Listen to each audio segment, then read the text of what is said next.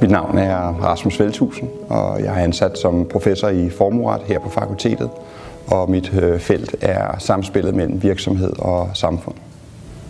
Baggrunden for, at vi har lavet uddannelsen øh, kan så i øh, jura, er for at binde, bygge en bro, kan man sige, mellem professionsbacheloruddannelserne og i vores tilfælde den juridiske uddannelse. Uddannelsen er bygget op således, at der er nogle øh, grundelementer, hvor øh, retssystemet, dets virke og funktion øh, er i centrum, hvor juridisk teori og metode øh, er i centrum. Og derudover så øh, er der så forskellige spor. Øh, kommer man med en øh, mere merkantil øh, baggrund, vil blandt andet selskabsret og, og fag i den retning være i centrum. Kommer man med en, øh, en social øh, uddannelse, for eksempel i baggrunden, vil det være andre fag som arbejdsret med videre, som øh, der vil være i centrum.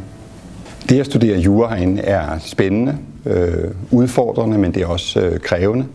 Det er relativt øh, bogtungt, øh, men øh, det er også inspirerende at dykke ned i øh, teori og metoder og have spændende diskussioner i øh, både i og uden for undervisningslokalerne med øh, professorer og medstuderende vedrørende jobmulighederne for øh, de øh, studerende, der bliver kandidater på vores øh, CanSoc juruddannelse.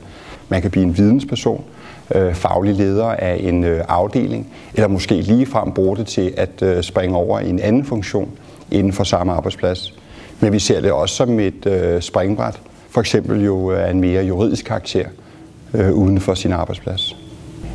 Jeg synes, uddannelsen er utrolig spændende, fordi den øh, knytter an til både øh, den faglighed og den praksis, som, øh, som de her mennesker kommer med, og så øh, universitetets øh, mere teoretiske øh, og metodiske tilgang.